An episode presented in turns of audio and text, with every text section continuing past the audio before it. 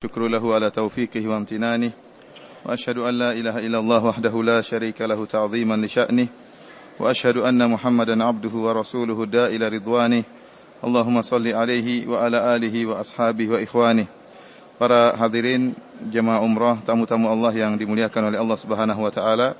Alhamdulillah pada malam hari ini Allah masih memberikan kita kesempatan untuk bisa beribadah kepada Allah Subhanahu wa taala melaksanakan salat maghrib berjamaah di Masjid Nabawi sebagai bentuk syukur kita kepada Allah Subhanahu wa taala. Alhamdulillah Allah juga mengumpulkan kita di majelis ilmu yang semoga diberkahi oleh Allah Subhanahu wa taala sebagai sebab dihapuskannya dosa-dosa kita dan sebab untuk masukkan kita ke dalam surga Allah Subhanahu wa taala. Amin ya rabbal alamin. Dan insyaallah pada malam hari ini kita lanjutkan uh, tafsir juz amma dan kemarin kita telah membahas yang terakhir adalah surat Al-Fil ya tentang kisah pasukan tentara bergajah yang dipimpin oleh Abraha dan kemudian dihancurkan oleh Allah Subhanahu wa taala dengan diutusnya burung-burung yang membawa kerikil yang kemudian melemparkan kerikil-kerikil panas tersebut kepada pasukan bergajah yang akhirnya mereka pun binasa. Setelah itu kita akan bahas surat Quraisy ya, surat Quraisy Surat yang juga telah dihafalkan oleh banyak kaum muslimin. Para imam-imam masjid rata-rata sudah menghafalkan surat ini. Demikian juga kebanyakan kaum muslimin juga telah menghafal surat ini, surat yang pendek. Yang di mana Allah Subhanahu wa taala ya di awal surat ini berfirman li fi Quraisy. Li fi Quraisy. Oleh karenanya sebagian ulama menyatakan surat ini dengan nama surat Quraisy dan sebagian lagi menyatakan Surat ini namanya surat Li'ilafi Quraisy. Ya, ada dua nama yang terkenal dari surat ini, surat Quraisy atau surat Li'ilafi Quraisy karena di awal surat ini disebutkan Li'ilafi Quraisy. Surat ini adalah surat Makkiyah dengan kesepakatan para ulama diturunkan oleh Allah Subhanahu wa taala kepada Nabi sallallahu alaihi wasallam sebelum Nabi berhijrah ke kota Madinah. Bahkan sebagian salaf ya, menyatakan bahwasanya surat Al-Fil bersambung dengan surat Quraisy. Karena dari di, pada sebagian salaf, sebagian musaf, sebagian salaf tidak ada pemisah antara surat Al-Fil dengan surat Quraisy. Ya. Jadi wa arsalna alaihim tayran ababil tarmihim bihijaratin min sijil faja'alahum ka'asfin ma'kul li'ilafi Quraisy. Langsung sambung. Tanpa ada pemisah antara surat Al-Fil dengan surat Quraisy. Sementara jumhur ulama demikian juga yang terdapat dalam Mushaf Al-Utsmani ada pemisah antara surat Al-Fil dengan surat Quraisy. Jadi faja'alahum ka'asfin ma'kul kemudian bismillahirrahmanirrahim li'ilafi Quraisy.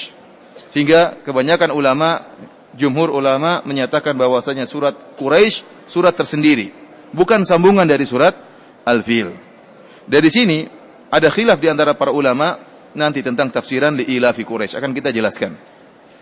Disebutkan tentang Quraisy. Quraisy adalah kabilah yang paling mulia dari di jazirah Arab. Dalam hadis Nabi sallallahu alaihi wasallam menyebutkan inna Allah astafa min waladi Ismail kinanatan. Allah memilih dari keturunan Nabi Ismail Kinanah. Wastafa min Kinanah ya Quraisyan dan Allah memilih Quraisy dari Kinanah. Wastafa min Quraisy Bani Hashim dan Allah memilih dari Quraisy Bani Hashim. Wastafani min Bani Hashim dan Allah memilihku dari Bani Hashim. Oleh karenanya Quraisy adalah kabilah yang paling mulia di Jazirah Arab dan dialah yang mengatur pengaturan yang ada di kota di kota Mekah. Sehingga Allah mengkhususkan penyebutan mereka dalam surat ini, surat Quraisy. Di awal surat Allah mengatakan liila fi Quraisy. Liila Quraisy. Ilaf ada dua pendapat di kalangan para ulama. Ada yang mengatakan dari alafa yang artinya taklif, yang artinya persatuan ijtima' Dan ada yang mengatakan dari il alifa. Alifa artinya i'tiyad, yaitu kebiasaan, artinya kebiasaan. Sehingga li'ilafi Quraisy makna yang pertama dari yaitu artinya dari alafat atau taklif artinya karena persatuan orang-orang Quraisy yang mereka tinggal di kota Mekah dan mereka aman di kota Mekah. Pendapat yang kedua mengatakan karena kebiasaan mereka orang-orang Quraisy yang mereka ilafihim rihlat asyita'i wasaif. Kebiasaan mereka yang mereka mengadakan rihlah perjalanan tatkala di musim dingin dan di musim panas.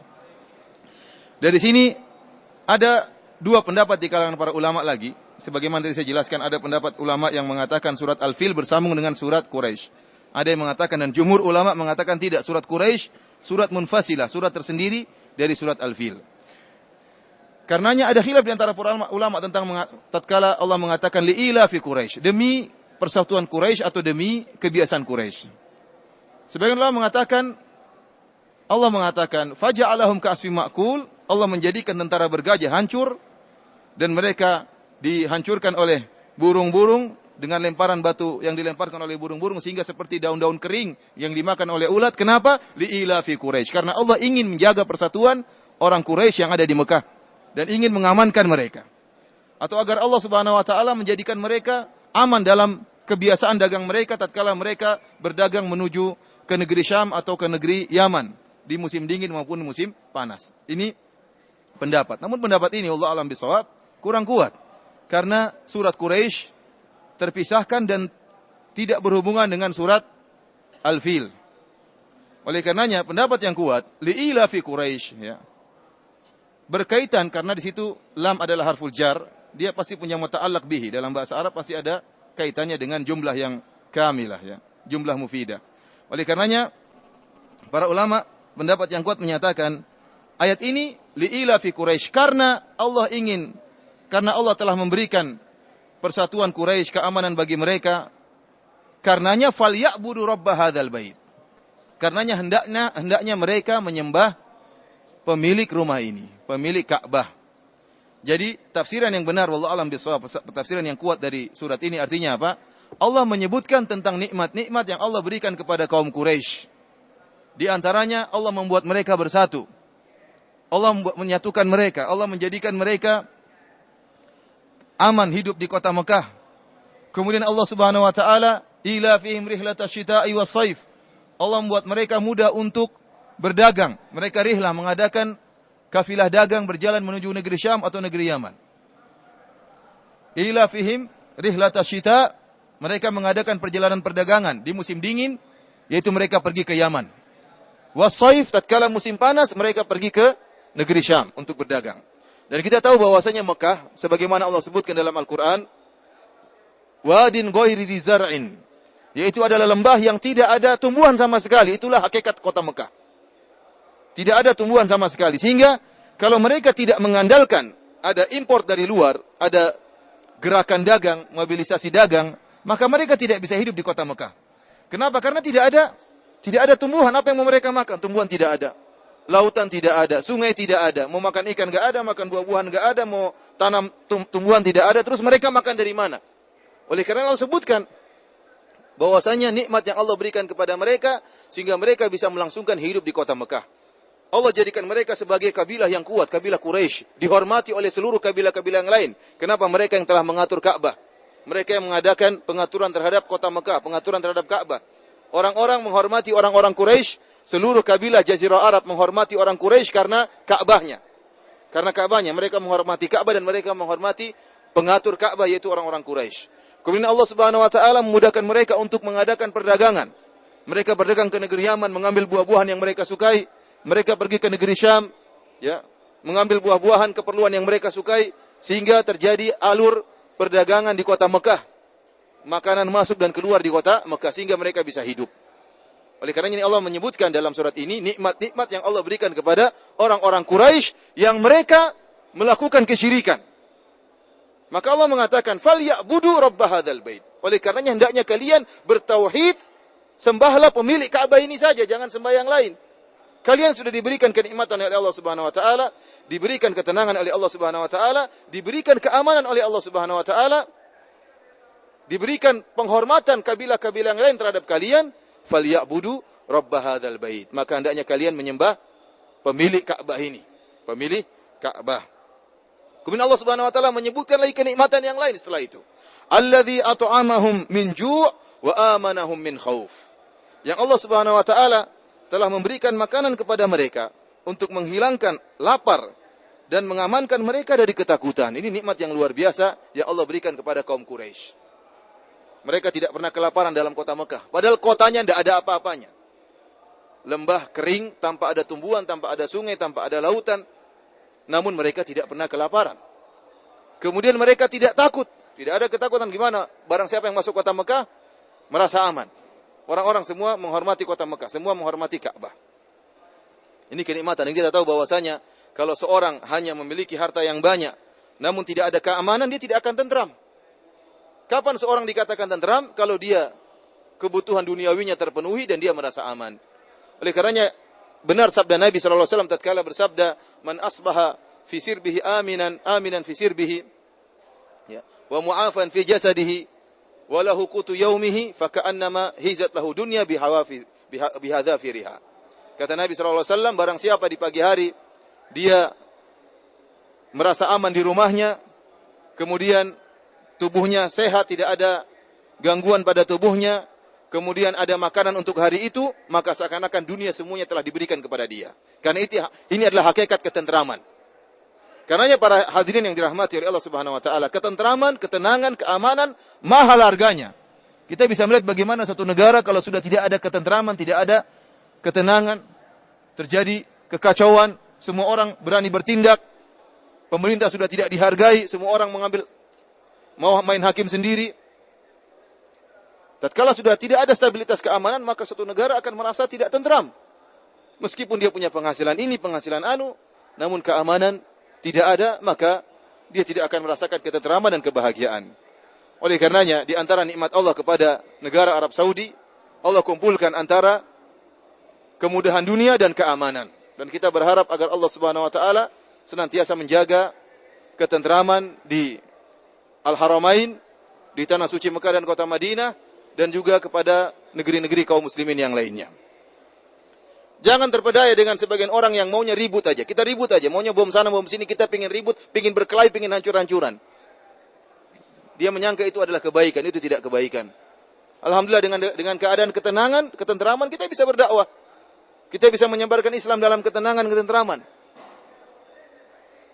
Para hadirin rahmati Allah Subhanahu wa taala, Allah berfirman dalam surat ini, "Falyabudu rabb hadzal bait." Sembahlah pemilik Ka'bah ini.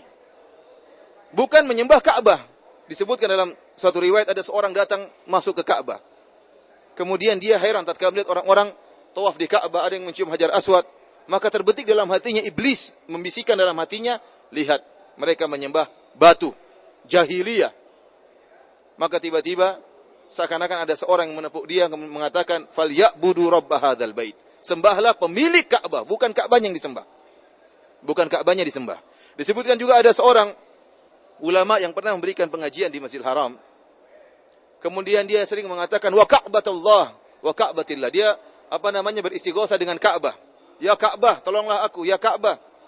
Maka didengar oleh seorang ulama yang lain dan dia ingin menasihati ulama ini yang mungkin terlepas kontrol sehingga menyeru Ka'bah seakan-akan bisa minta pertolongan kepada Ka'bah. Maka orang ini dia berpura-pura seakan-akan tidak tahu, dia ingin belajar Al-Qur'an, dia mengatakan saya ingin membacakan Al-Qur'an di hadapanmu kalau salah tolong diperbaiki. Maka dia mulai dari surat Juz Amma dia baca, surat satu persatu, surat satu persatu. Dan didengar terus oleh alim ini. Sampai akhirnya dia pada surat Quraisy.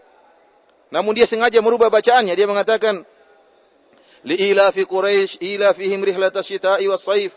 Falyabudu hadzal bait. Sembahlah sembahlah apa? Ka'bah ini. Maka orang alim tadi mengatakan salah. Falyabudu rabb hadzal bait. Sembahlah pemilik Ka'bah ini Tuhannya Ka'bah ini dia ulangi lagi falyabudu hadzal bait sembahlah Ka'bah ini ditegur lagi salah yang benar falyabudu rabb hadzal bait sembahlah pemilik Tuhan pemilik Ka'bah ini Akhirnya orang ini mengatakan, tadi saya dengar kau pengajian, kau mengatakan, ya Ka'bah Allah. Minta tolong kepada Ka'bah. Akhirnya orang alim ini pun sadar. Bahwasanya yang disembah bukanlah Ka'bah. Ka'bah hanya sekedar batu. Ka'bah adalah batu ya, yang tidak memberi manfaat dan tidak memberi mudarat. Dan sering saya sampaikan, batu termulia di alam semesta ini adalah Hajar Aswad. Bahkan disebutkan dalam riwayat, Hajar Aswad turun dari surga. Tidak ada batu yang dicium mendapatkan pahala, tidak ada sesuatu yang dicium ibadah mendapatkan pahala kecuali Hajar Aswad. Meskipun demikian, tatkala Umar bin Khattab radhiyallahu taala anhu mencium Hajar Aswad dalam Sahih Bukhari dan Sahih Muslim, maka Umar bin Khattab mengatakan, "Ya Hajar, inni a'lamu annaka Hajar, la tanfa wa la tadur. Laula anni ra'aitu Rasulullah sallallahu alaihi wasallam yuqabbiluka ma qabbaltuka." Kata Umar, "Wahai Hajar Aswad, saya tahu kamu hanya sekedar batu, tidak bisa memberi manfaat, tidak bisa memberi mudarat. Kalau bukan saya pernah lihat Nabi cium kamu, saya tidak bakalan cium kamu. Kita mencium Hajar Aswad karena Nabi pernah mencium Hajar Aswad. Sebagaimana kita sujud di tanah karena Nabi sewaktu sholat sujud di tanah. Bukan Hajar Aswad tersebut kemudian ngalir setrom barokah, kemudian yang se se sakit menjadi sehat, kemudian jadi gagah perkasa. Ini enggak ada dalam kamus Islam tidak ada seperti ini. Makanya Umar mengatakan, la tanfa wa la tadur. Kamu tidak bisa beri manfaat dan tidak bisa beri mudarat. Dan tahukah anda bahwasanya Ka'bah dahulu pernah direnovasi oleh orang-orang kafir Quraisy yang membangun Ka'bah orang-orang kafir Quraisy. Mereka mencari batu-batu biasa mereka pikul, mereka bikin Ka'bah. Karena Ka'bah hanyalah simbol, bukan suatu yang yang apa namanya memberi kemudaratan maupun menolak atau memberi manfaat tidak.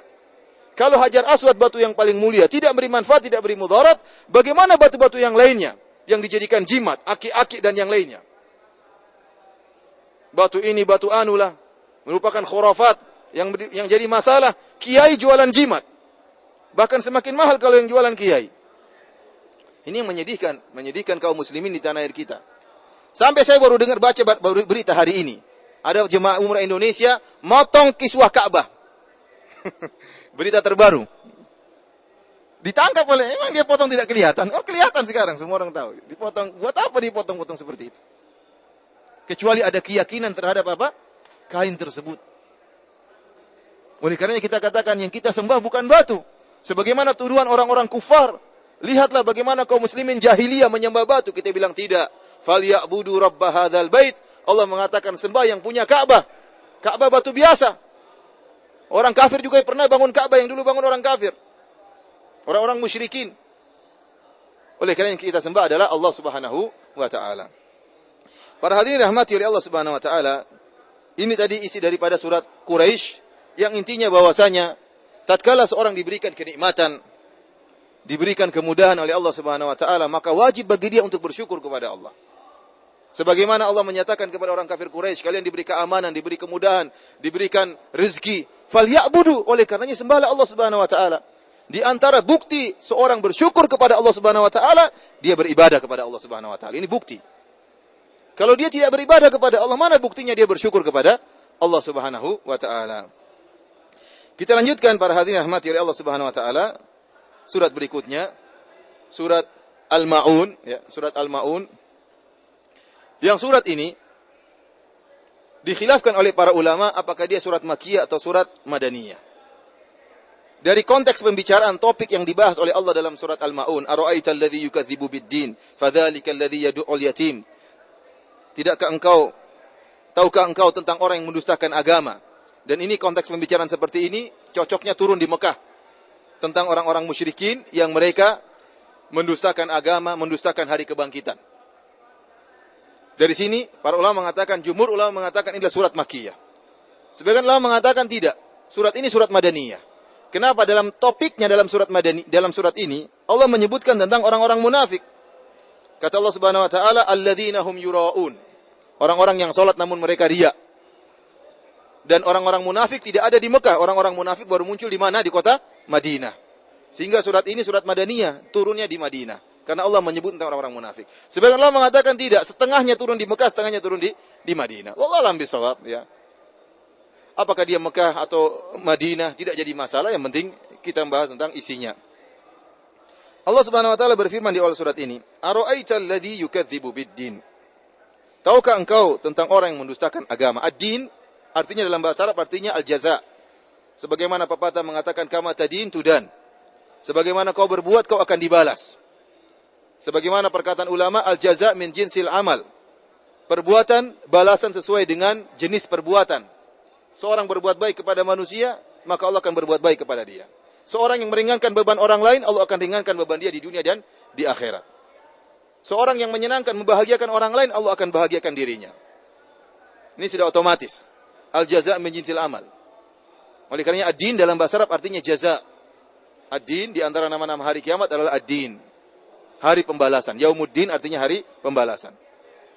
Surat ini topiknya bercerita tentang bagaimana orang yang mendustakan agama akhirnya akan menimbulkan akhlak yang sangat buruk. Bermula dari apa? Pendustaan terhadap agama. Pendustaan terhadap hari akhirat. Oleh karenanya, keimanan terhadap hari akhirat merupakan perkara yang sangat penting. Barang siapa yang yakin akan ada hari pembalasan, barang siapa yang yakin ada hari persidangan, dia akan dibangkitkan oleh Allah dan dia akan disidang oleh Allah Subhanahu wa taala, maka dia akan berbuat sebaik-baiknya di dunia ini. Tapi barang siapa yang tidak yakin dengan ada hari kebangkitan, tidak yakin ada adanya hari persidangan, tidak yakin adanya hari pembalasan, atau ragu dengan hari tersebut, maka dia akan berani melakukan kemaksiatan. Dia berani. Dia berani berzina, dia berani mencuri, dia berani melakukan macam-macam. Kenapa dia tidak yakin dengan hari kebangkitan atau ragu? Atau ragu. Sehingga dia berani. Karenanya orang yang imannya kuat kepada hari akhirat, maka akan tampak dari perilakunya. Di sini Allah menyebutkan tentang sikap orang yang tidak beriman kepada hari pembalasan.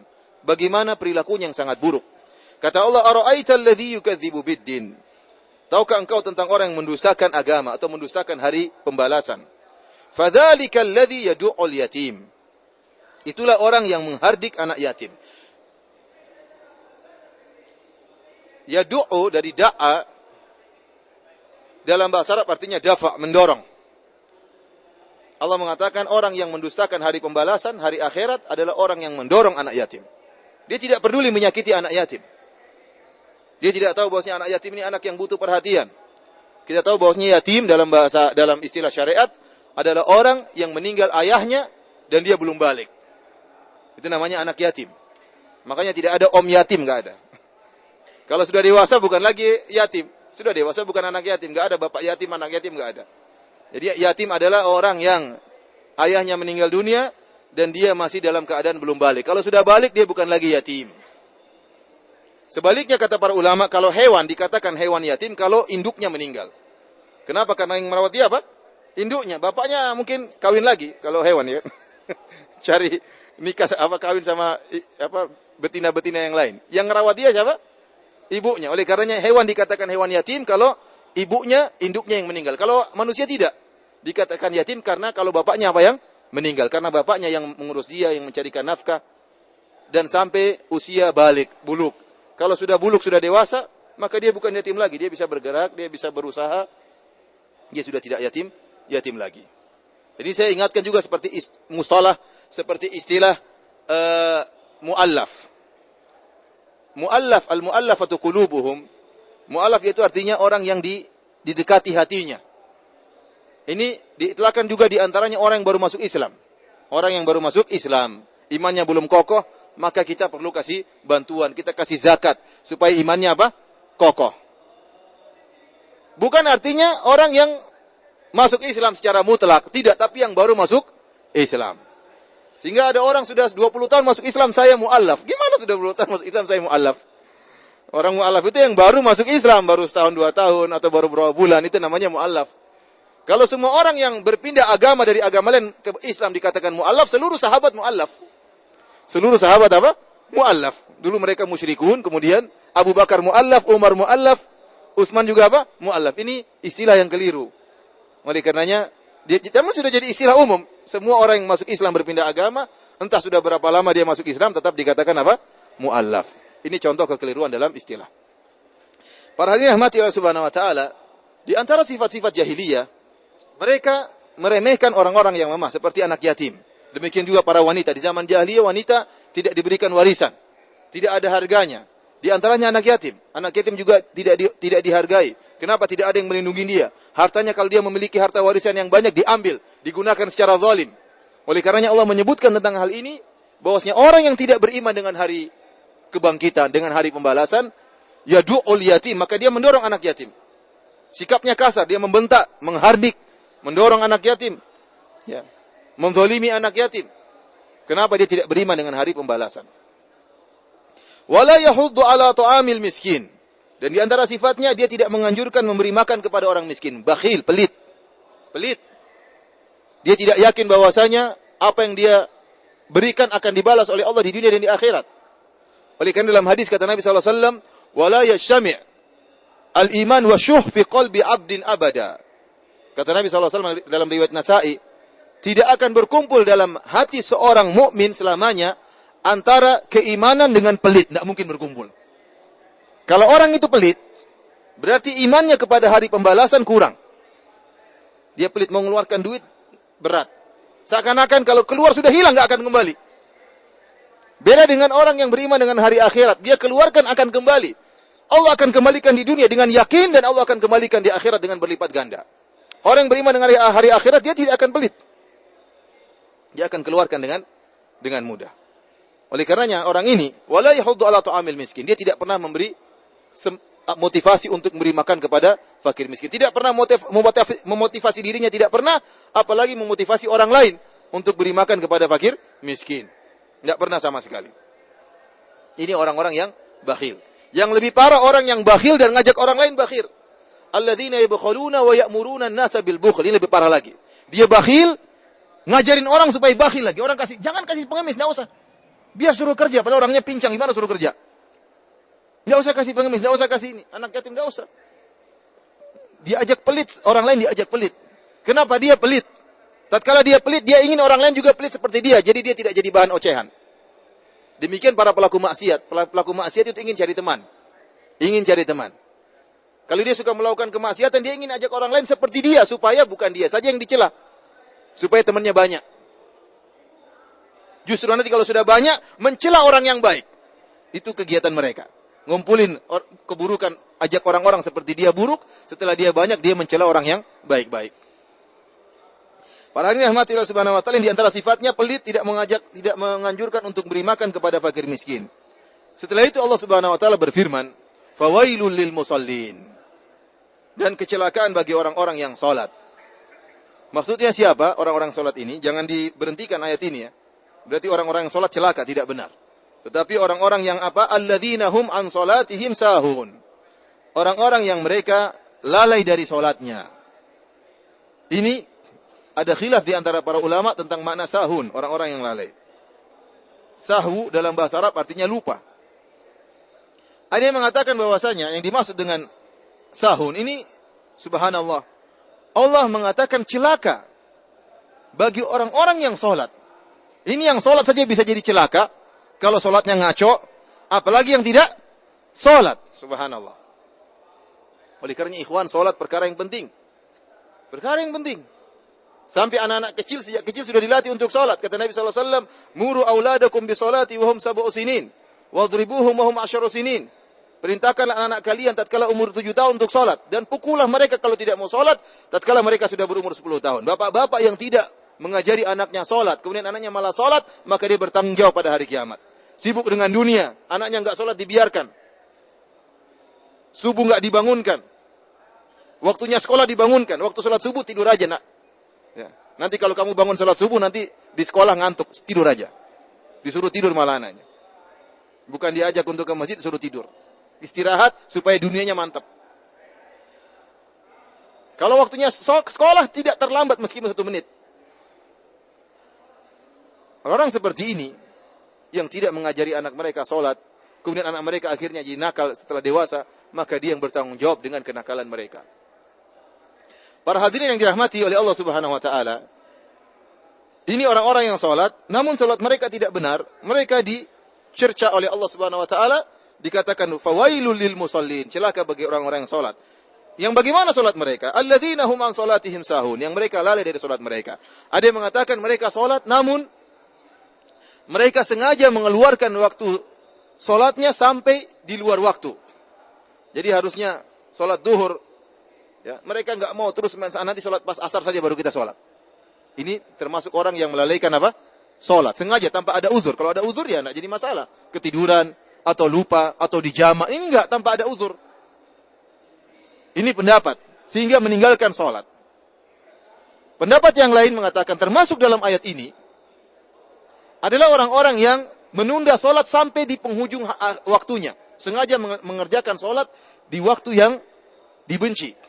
Seperti orang-orang munafik yang mereka tidak sholat asar di awal waktu sholat asar. Tetapi mereka mengerjakannya tatkala menjelang maghrib. Saya ingatkan para hadirin. Waktu sholat, waktu sholat asar memang benar antara. Jadi awal mula waktu sholat asar adalah jika panjang bayangan suatu benda sama dengan panjang benda tersebut. Waktu sholat duhur dimulai tatkala matahari tergelincir. Tadinya bayangan sesuatu benda di arah barat, sekarang berubah ke arah timur karena matahari sudah tergelincir ke arah barat. Itu waktu awal sholat duhur. Kapan selesai waktu awal sholat duhur? Waktu sholat duhur kapan selesai? Sampai panjang bayangan suatu benda, panjangnya sama dengan benda tersebut. Kalau kita taruh apa namanya kayut, panjangnya 2 meter, maka selama panjang bayangan belum 2 meter, masih waktu sholat duhur. Tatkala panjang bayangan suatu benda sudah 2 meter, berarti sudah selesai waktu sholat zuhur dan masuk waktu sholat asar. Dan kapan akhir dari waktu sholat asar sampai panjang bayangan benda tersebut dua kali lipat. Sampai dua kali lipat. Karena Jibril alaihissalam pernah mencontohkan waktu dia datang kepada Nabi dua kali. Waktu sholat, di awal sholat dan di akhir sholat. Hari pertama dia sholat di awal sholat dan hari kedua dia sholat di akhir sholat. Kemudian Nabi Jibril mengatakan bainahuma sholat. Di antara dua waktu ini adalah waktu sholat. Hari kedua Jibril alaihissalam sholat di akhir waktu yaitu tatkala panjang bayangan suatu benda dua kali lipat dari panjang benda tersebut. Kalau kita tegakkan tiang, ternyata panjangnya tiang dua meter, terus panjang bayangan sudah empat meter, berarti waktu sholat asar sudah berakhir. Ini yang disebut dengan waktu ikhtiari, waktu sholat asar yang benar. Bagaimana kalau kita sholat asar setelah itu, padahal masih ada waktu belum terbenam matahari, waktu antara tatkala panjangan panjang suatu benda dua kali lipat sampai terbenam matahari namanya waktu itirori.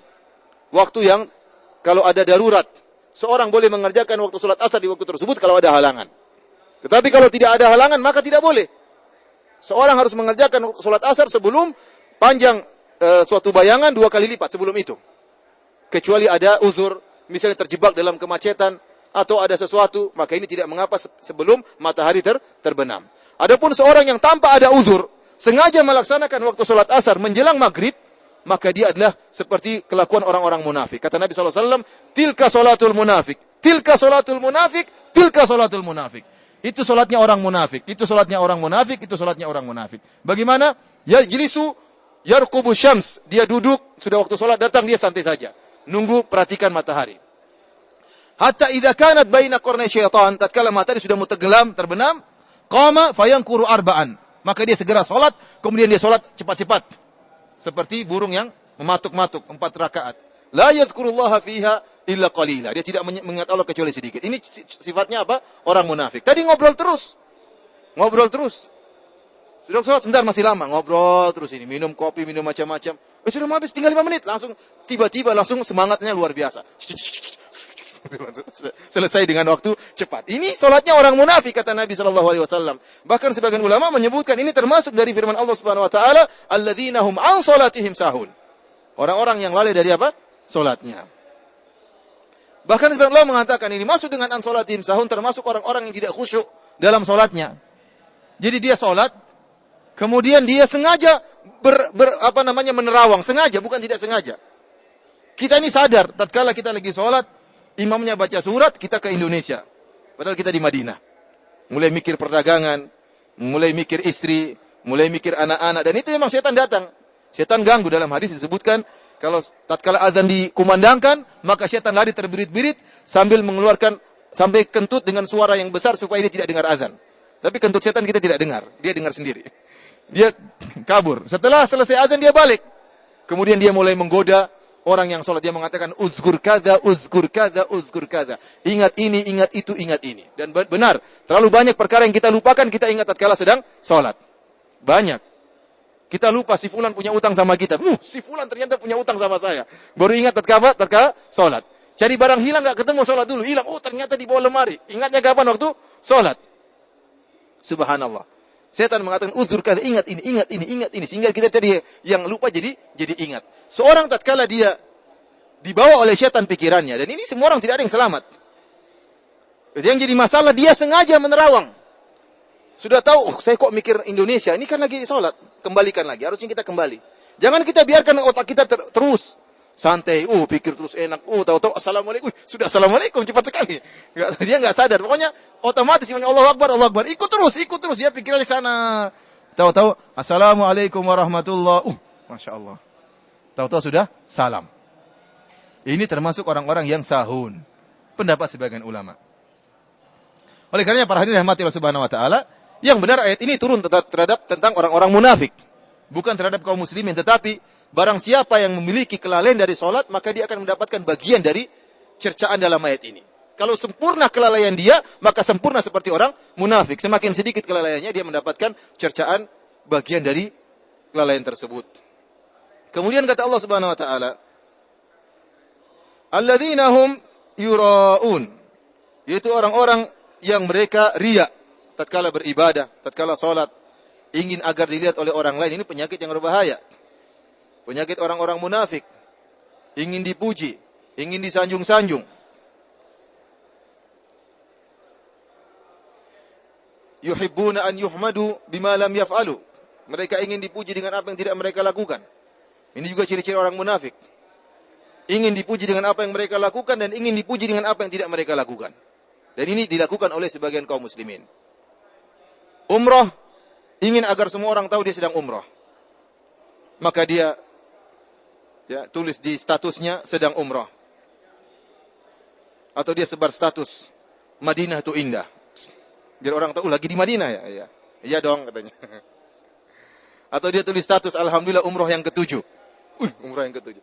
Padahal umrohnya ulang-ulang. Di Mekah ulang-ulang ke Jurona, ke Tanim. Bukan tujuh kali bolak balik Indonesia. Orang tujuh kali ternyata tujuh kali ngulang-ulang. Ingin orang memuji dia dengan apa yang tidak dia lakukan. Oh ingin orang menyangka dia uang banyak. Masya Allah tiap tahun umroh. Ternyata enggak. Sekali umroh tujuh kali umroh. Dan masih banyak trik-trik. Dan manusia pandai. Trik-trik untuk memamerkan tuh pandai sekali. Trik-trik yang nyata-nyata maupun trik-trik yang halus. Banyak. Trik-trik yang halus seperti apa? Alhamdulillah, saya tadi ikut pengajian, saya nangis, Masya Allah. Gitu. Maksudnya apa? Saya ini khusyuk, saya ini Masya Allah. Hati saya, kalau dengar pengajian apa? Nangis. Memuji tanpa secara langsung. Memuji diri sendiri. Tadi malam, Qadarullah saya cuma sholat, malam cuma tiga rakaat, saya terlambat bangun. Berarti apa? Biasanya seratus rakaat. Maksudnya apa? Banyak trik-trik orang untuk memuji diri. Banyak sekali, banyak. Terlalu banyak. Bapak juga pandai, saya juga pandai. Tinggal kita melakukan atau tidak. Dan ini orang-orang yang riak, pahalanya tidak akan diterima oleh Allah Subhanahu wa taala. Tidak akan diterima oleh Allah Subhanahu wa taala. Dalam satu hadis kata Nabi sallallahu alaihi wasallam, "Ala ukhbirukum." Tatkala para sahabat sedang berbicara tentang Dajjal, bagaimana sifat-sifat Dajjal, maka Nabi wasallam mengatakan, "Ala unabbiukum." Ya, maukah aku kabarkan tentang suatu yang aku khawatirkan lebih daripada fitnah Dajjal, daripada fitnah Dajjal. Qalu bala ya Rasulullah, apakah yang menakutkan tersebut? Kata Nabi wasallam, asyirkul khafi, syirik yang samar, yang tidak kelihatan. Kemudian Rasulullah SAW menjelaskan, yakumur rajul fayusalli fayuzayyina salatahu lima yara min rajulin ilaihi. Seorang berdiri, kemudian dia salat, kemudian dia bagus-baguskan salatnya, kenapa dia tahu orang-orang sedang lihat dia salat? Maka dia indah-indahkan apa? Salatnya, mumpung lagi dilihat. Salatnya diperbagus, lagi baca Quran dilihat orang bacanya diperbagus. Dilihat orang pura-pura nangis, pura-pura khusyuk. Dan saya rasa antum pandai semua. Kita semua pandai kalau masalah begini. Syaitan kenapa? Gurunya syaitan, gurunya iblis. Yang ingin agar seluruh amalan kita dihapuskan oleh Allah Subhanahu wa taala. Siapa yang tidak pandai berpose di depan Ka'bah? Berpose lagi ini, berpose lagi baca Quran, lagi sholat. Foto sebentar ya. Allah Foto, cerek, nah dipajang di rumah atau dimasukkan di display picture. Masukkan di Facebook lah, di Twitter lah, di mana-mana. Allah musta'an. Intinya para hadirin rahmati Allah Subhanahu wa taala di antara ciri-ciri orang munafik adalah alladzina hum yuraun, yang mereka beribadah karena ingin dipuji, ingin disanjung, ingin dihormati dengan dengan ibadah tersebut. Wa yamnaunal maun dan mereka enggan menolong dengan barang berguna.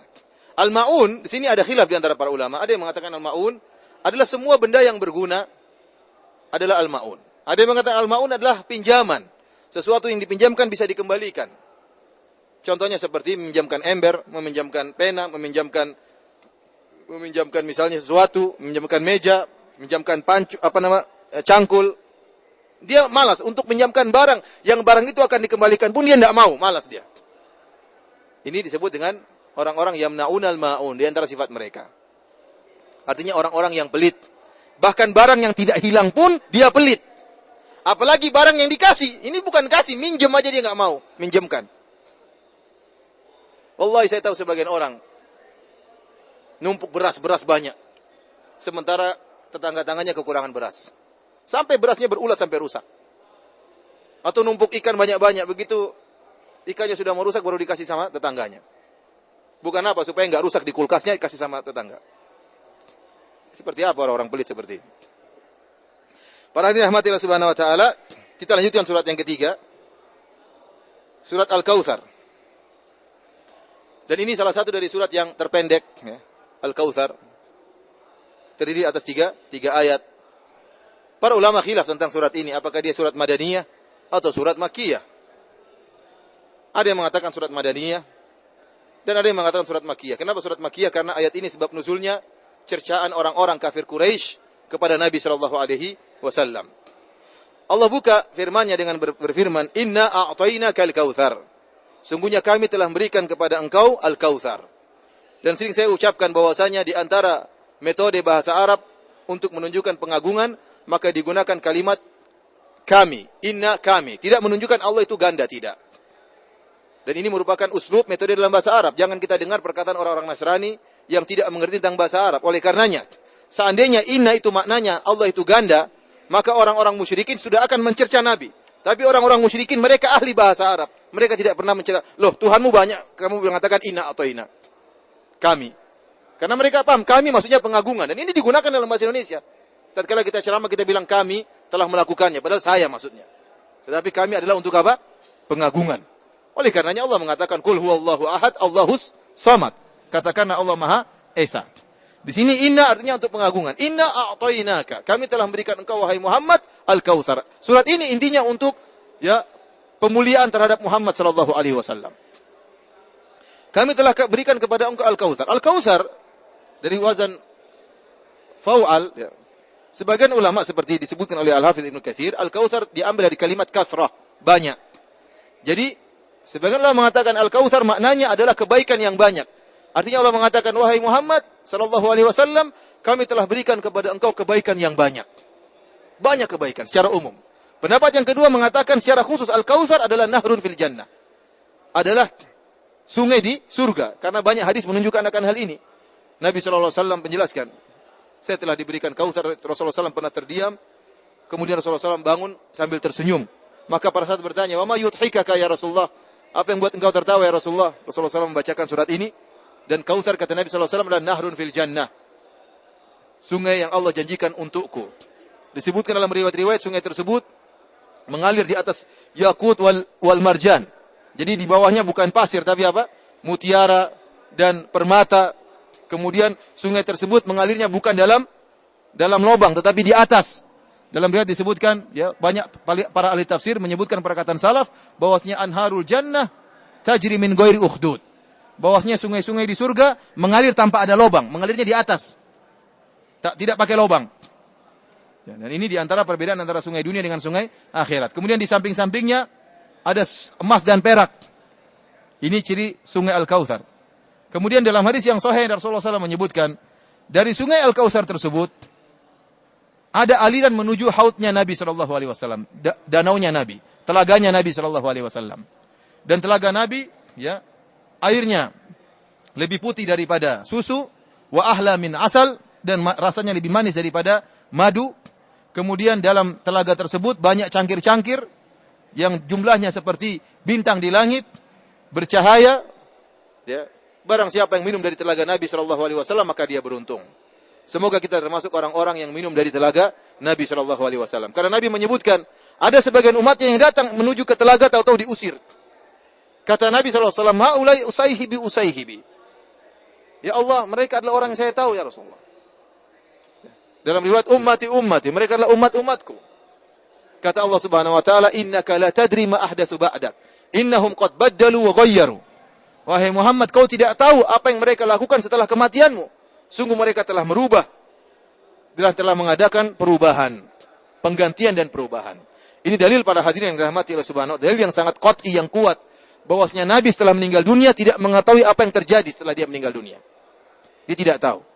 Oleh karenanya tatkala ada orang yang datang diusir dari telaga kata Nabi saya mengenal dia ya Allah. Kata Allah kau tidak tahu innaka la tadri. Hadis ini mutawatir. Kau tidak tahu mereka telah melakukan perubahan wahai Rasulullah.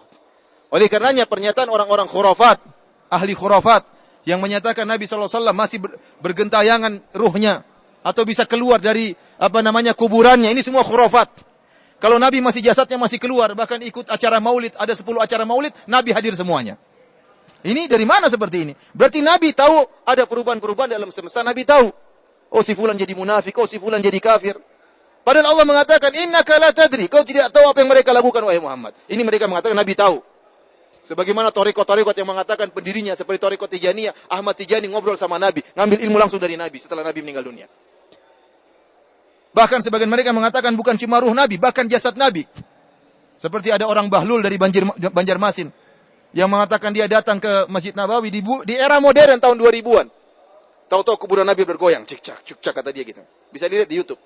Tahu-tahu Nabi keluar, Nabi keluar. Nabi keluar kemudian cium lutut dia. Ini orang bahlul yang membenarkan dia juga lebih bahlul daripada dia. Namun pengikutnya, Masya Allah, Masya Allah. Gimana Nabi bisa keluar itu? Nabi itu dalam kuburannya ditutup dengan tiga tembok.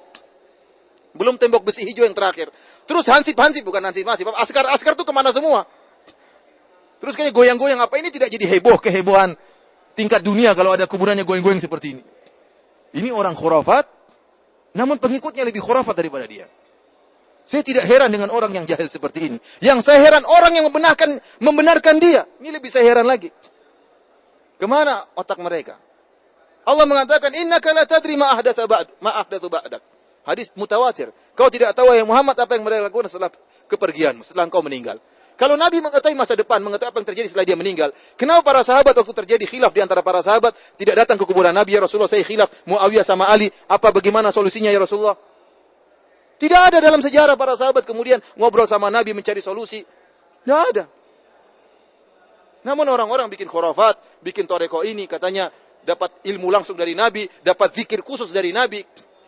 Subhanallah. Zikir-zikir yang Abu Bakar tidak tahu, Umar tidak tahu, Utsman tidak tahu, Ali tidak tahu, ini orang bahlul tahu dari mana? Subhanallah. Namun demikianlah. Kebodohan ditunggangi dengan kebodohan dan orang-orang pun mengikuti kebodohan tersebut. Dilariskan dengan jaminan-jaminan tertentu, dengan khurafat-khurafat tertentu, dengan kesaktian-kesaktian tertentu, maka laku. Kenapa? Karena jin berperan. Jin berperan. Sebagaimana Nabi Muhammad, Nabi Isa pun demikian. Allah sebutkan dalam Al-Quran. Allah mengatakan, Ya Isa, anta kulta linnasi ittakhiduni wa ummiya ilahaini min dunillah. Wahai Isa, apakah kau pernah memerintahkan kepada murid-muridmu untuk jadikan engkau dan ibumu sebagai dua Tuhan selain Allah? Nabi Isa mengatakan, tidak ya Allah. Tidak pernah saya mengatakan demikian. Wa kuntu, apa namanya, wa kuntu syahidan alaihi ma dumtu fihim. Falamma tawaffaitani kunta raqiba alaihim. Kata Nabi Isa, wahai Allah, tatkala saya masih hidup, saya jadi saksi atas apa yang mereka lakukan. Tapi waktu saya sudah meninggal, engkau yang jadi saksi tidak tahu apa-apa. Ini Nabi Isa. Tatkala dia meninggal dunia tidak tahu apa yang terjadi dengan umatnya, tidak tahu. Apalagi mengatakan wali sekarang sudah meninggal dan dia tahu apa yang kita lakukan. Ini parah luar biasa. Oleh karenanya kita beristighosa kepada wali. Wahai wahai fulan, wahai sunan fulan, wahai Nabi Isa saja tidak tahu apa yang terjadi di umat ini. Nabi Muhammad tidak tahu apa yang terjadi di umat ini. Bagaimana wali-wali mengetahui apa yang terjadi sekarang. Kemudian kita minta tolong sama dia. Di mana otak kita untuk berfikir. Para hadirin rahmati oleh subhanahu wa ta'ala. Jadi Kausar adalah sungai yang Allah berikan kepada Nabi SAW. Sungai yang sangat indah. Kemudian dari alirannya mengalir menjadi danau telaga Nabi Shallallahu Alaihi Wasallam yang barang siapa telah minum dari telaga tersebut maka dia telah beruntung. Kemudian kata Allah Subhanahu Wa Taala, "Fasalli li rabbika wanhar." Salatlah hanya untuk Rabbmu, wanhar dan sembelihlah hanya untuk Rabbmu. Ini dua ibadah yang sangat agung yang Allah sering gandakan antara salat dengan menyembelih. Dua-duanya merupakan bukti tauhid. Allah mengatakan fasalli li rabbika, salatlah hanya untuk Allah, wanhar li rabbika kadzalik. Demikian juga sembelihlah hanya untuk Allah saja. Oleh karena tatkala kita sembelih kita mengatakan bismillah hanya untuk Allah Subhanahu wa taala. Dalam ayat yang lain Allah mengatakan, "Inna salati wa nusuki wa mahyaya wa mati lillahi rabbil alamin." Sungguhnya salatku dan sembelihanku hanya untuk Allah Subhanahu wa taala. Oleh karenanya barang siapa yang menyembelih kepada selain Allah, maka dia terjumus dalam kesyirikan.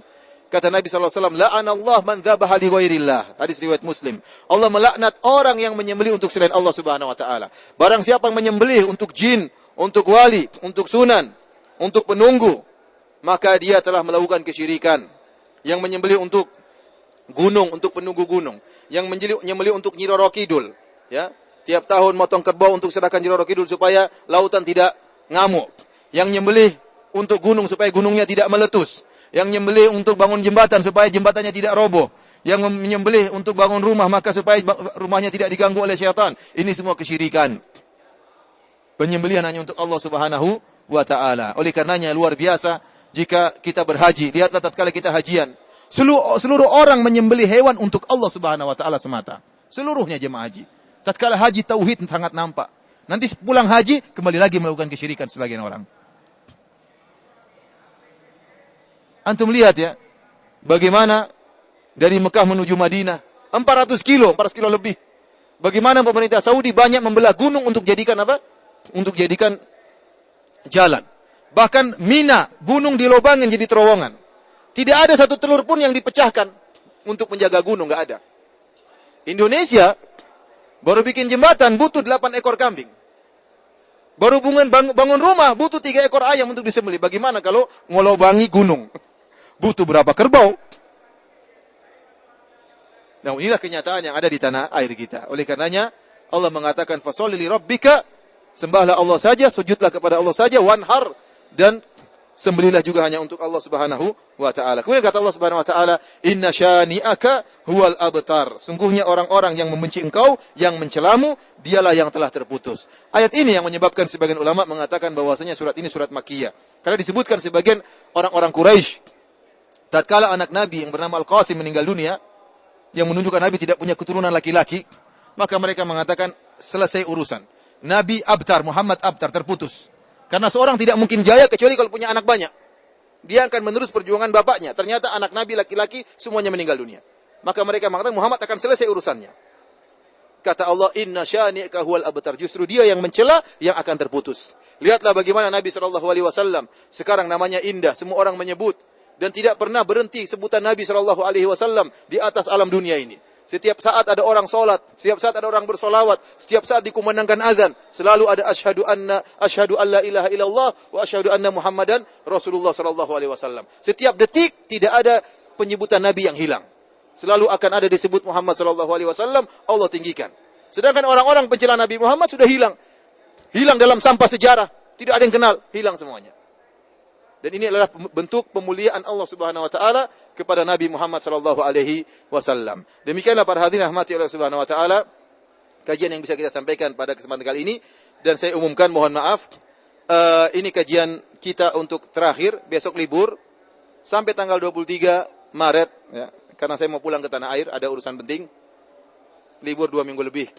Jadi besok tidak ada tidak ada kajian mohon maaf ya, ya qadarullah ada sesuatu yang kepentingan kepentingan yang harus saya lakukan maka nanti malam saya insya Allah berangkat menuju ke uh, tanah air insya Allah. Kalau ada yang bertanya saya persilahkan.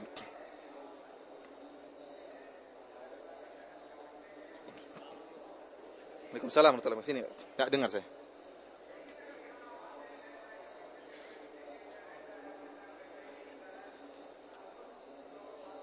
Silakan, silakan Pak.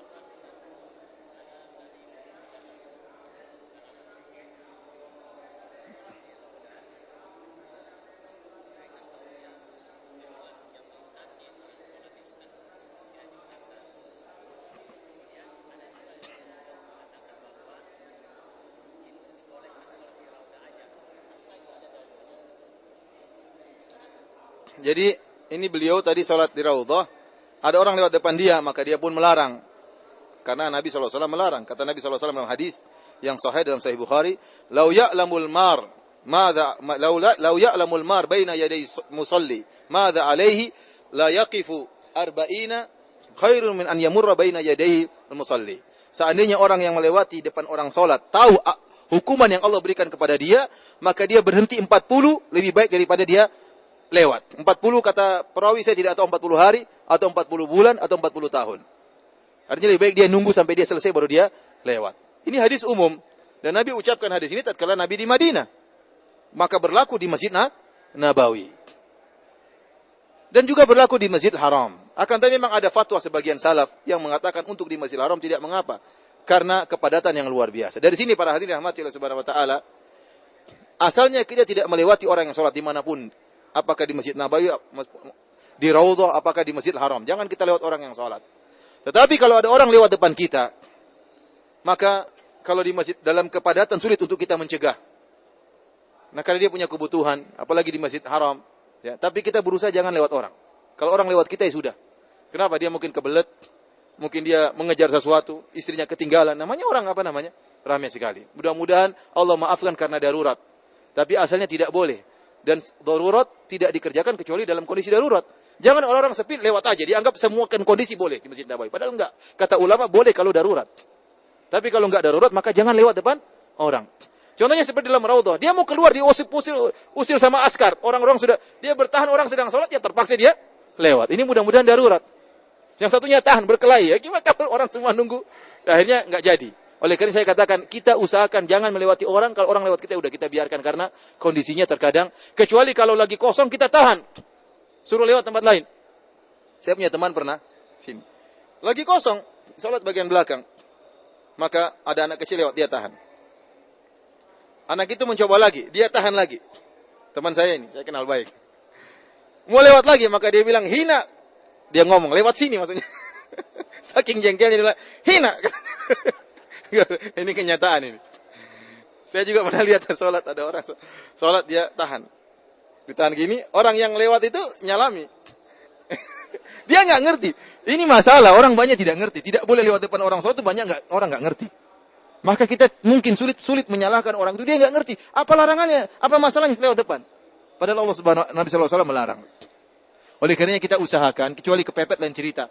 Kebelet gimana? Kebelet beol di Masjid Nabawi, yang mending lewati orang. Ini urusannya darurat. Tetapi kalau kita mampu, jangan kita lewat orang depan sholat. Orang lewat depan kita ya sudahlah. Kecuali kalau sepi, kita berusaha menahan. Sunnahnya kita menahan. Tapi kalau sudah padat, nggak bisa kita tahan. Nggak bisa kita tahan. Kita tahan dia ngeyel, udah biarin aja.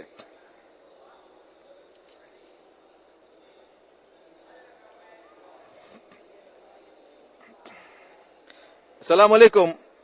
Barakallahu fikum Ustaz. Sebentar lagi kita ada pemilu. Bagaimana sikap kita? Bolehkah kita golput? Jazakumullah khairan. Perkara pemilu perkara yang dilema ya ikhwan.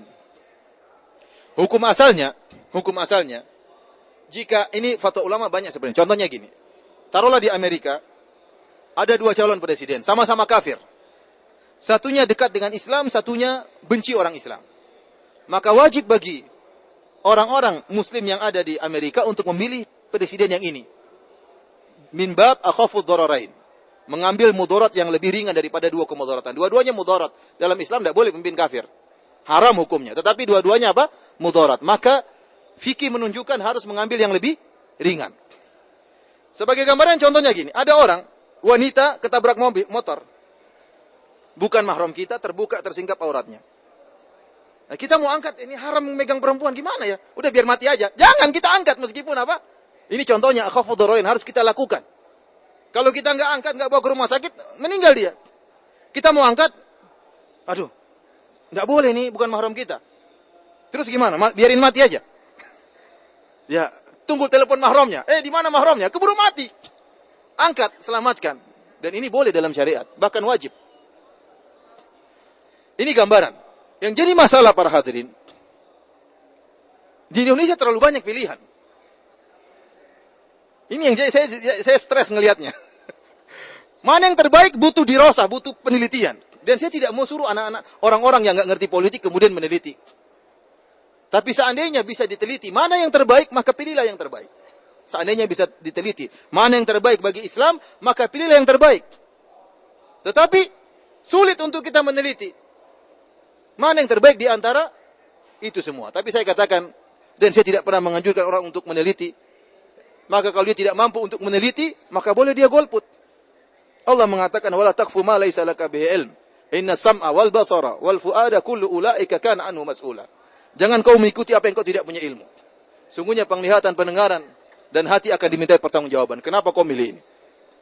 Kalau kita nggak milih, kenapa kau nggak pilih? Saya nggak tahu ya Allah. Mana saya bingung semua ya Allah ini. Semuanya ngaku baik semuanya ya Allah. Tapi saya katakan barang siapa yang mau memilih silahkan. Barang siapa yang mampu menimbang antara kebaikan dan kemudaratan, maka silakan. Berbeda kalau kasusnya cuma dua, ini mudah kalau dua. Sekarang calonnya ada berapa saya tanya? Ada berapa partai Indonesia? Ada berapa? Hah? Yang partai ada berapa? 15. Bingung lah 15. 15.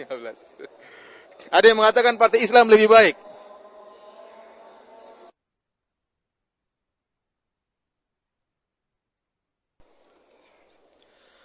Para jemaah umrah yang dimuliakan oleh Allah Subhanahu wa taala, intinya barang siapa yang bisa memilih dengan ilmu yang dia miliki, kapasitasnya bisa membedakan mana yang terbaik daripada yang ada, maka hendaknya dia memilih.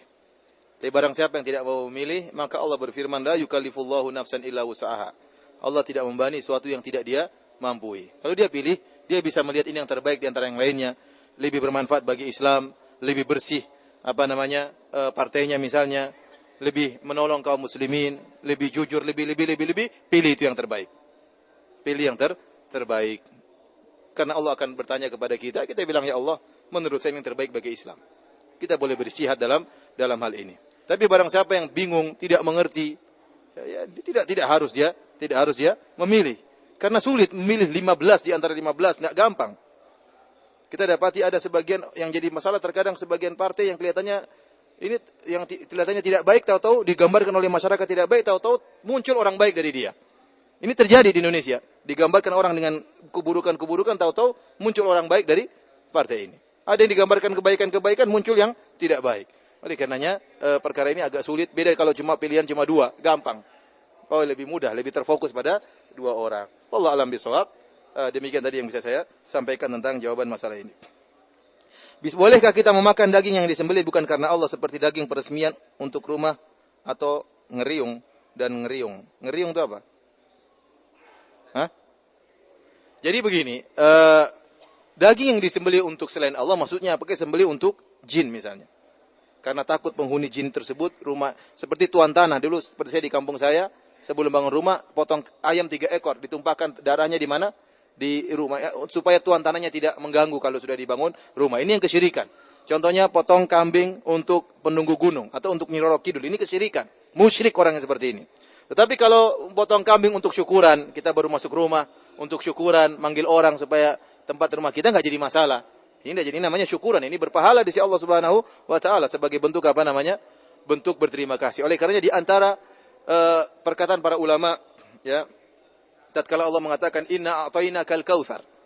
Sungguh kami telah berikan kepada engkau al-kautsar, kebaikan yang banyak wahai Muhammad. Fasholli li rabbika wanhar, maka salatlah dan sembelihlah. Kata para ulama, setiap orang dapat kenikmatan, berusaha buat ibadah.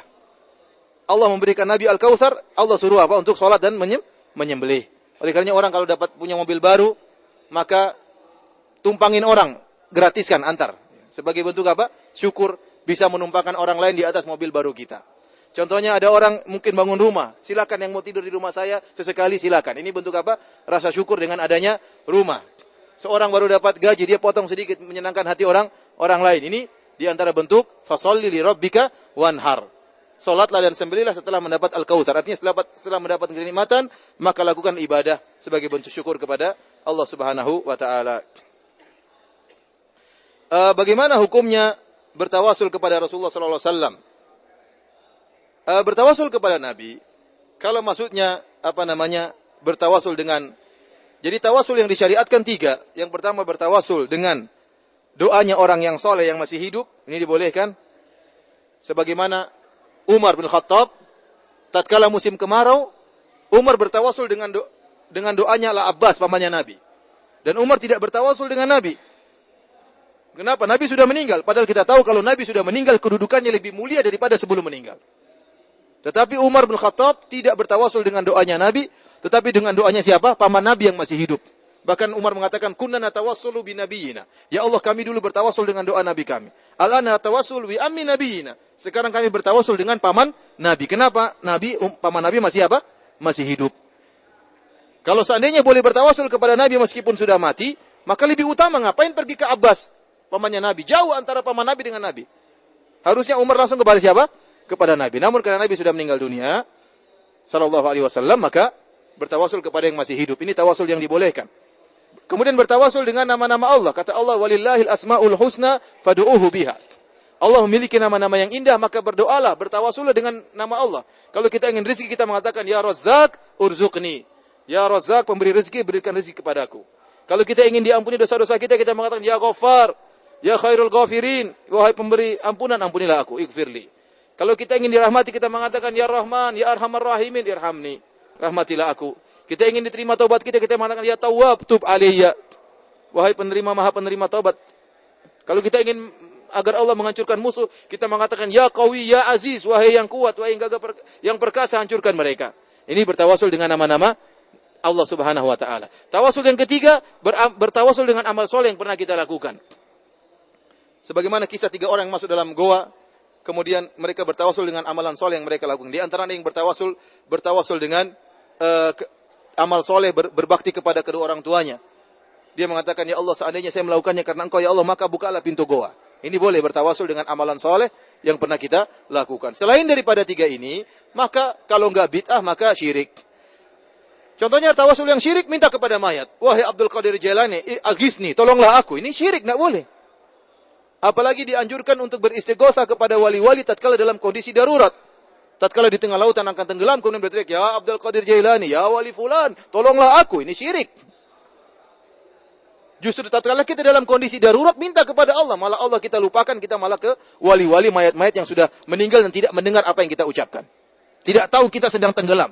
Nabi aja tidak tahu apalagi tadi sudah dijelaskan Nabi tidak tahu apa yang terjadi setelah dia meninggal, apalagi wali-wali yang derajatnya jauh di bawah Nabi kecuali pendapat yang mengatakan wali lebih tinggi daripada nabi sebagaimana pendapatnya Ibnu Arabi para hadirin rahmati oleh Allah Subhanahu wa taala adapun kalau kita bertawasul kita mengatakan misalnya demi kedudukan Nabi sallallahu alaihi wasallam demi jahun Nabi maka ini tawasul yang tidak pernah dicontohkan oleh Rasulullah sallallahu alaihi wasallam dan para sahabatnya maka ini bukan syirik cuma tawasul yang tidak dicontohkan maka hendaknya tidak kita lakukan namun bukan syirik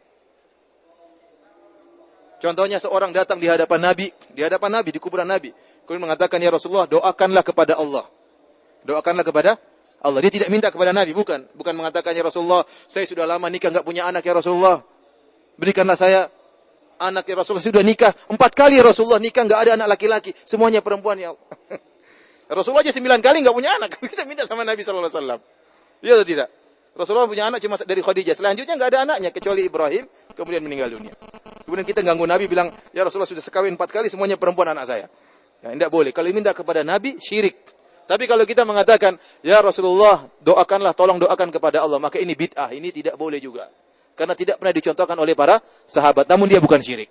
Namun dia bukan syirik. Dan saya ingatkan kepada para hadirin, jangan sedikit-sedikit ada kesalahan kita bilang syirik. Tidak, tidak semua syirik. Ada syirik, ada yang bid, bid'ah. Ada yang haram, ada yang syirik. Harus bisa dibedakan. Kalau syirik adalah beribadah kepada selain Allah. Contohnya minta kepada, berdoa kepada wali, berdoa kepada nabi. Sebagaimana orang Nasrani berdoa kepada Nabi Isa. Itu juga syirik. Syirik atau tidak? Sama. Orang, seorang Nasrani berdoa kepada Nabi Isa, yang sudah meninggal dunia sama berdoa kepada Nabi Muhammad. Hukumnya tidak ada bedanya. Sama-sama syirik. Tapi kalau mengatakan ya Rasulullah, tolong tolong doakan kepada Allah, ini bid'ah, tidak syirik. Untuk mendapatkan sebuah pekerjaan harus melakukan sogok. Bagaimana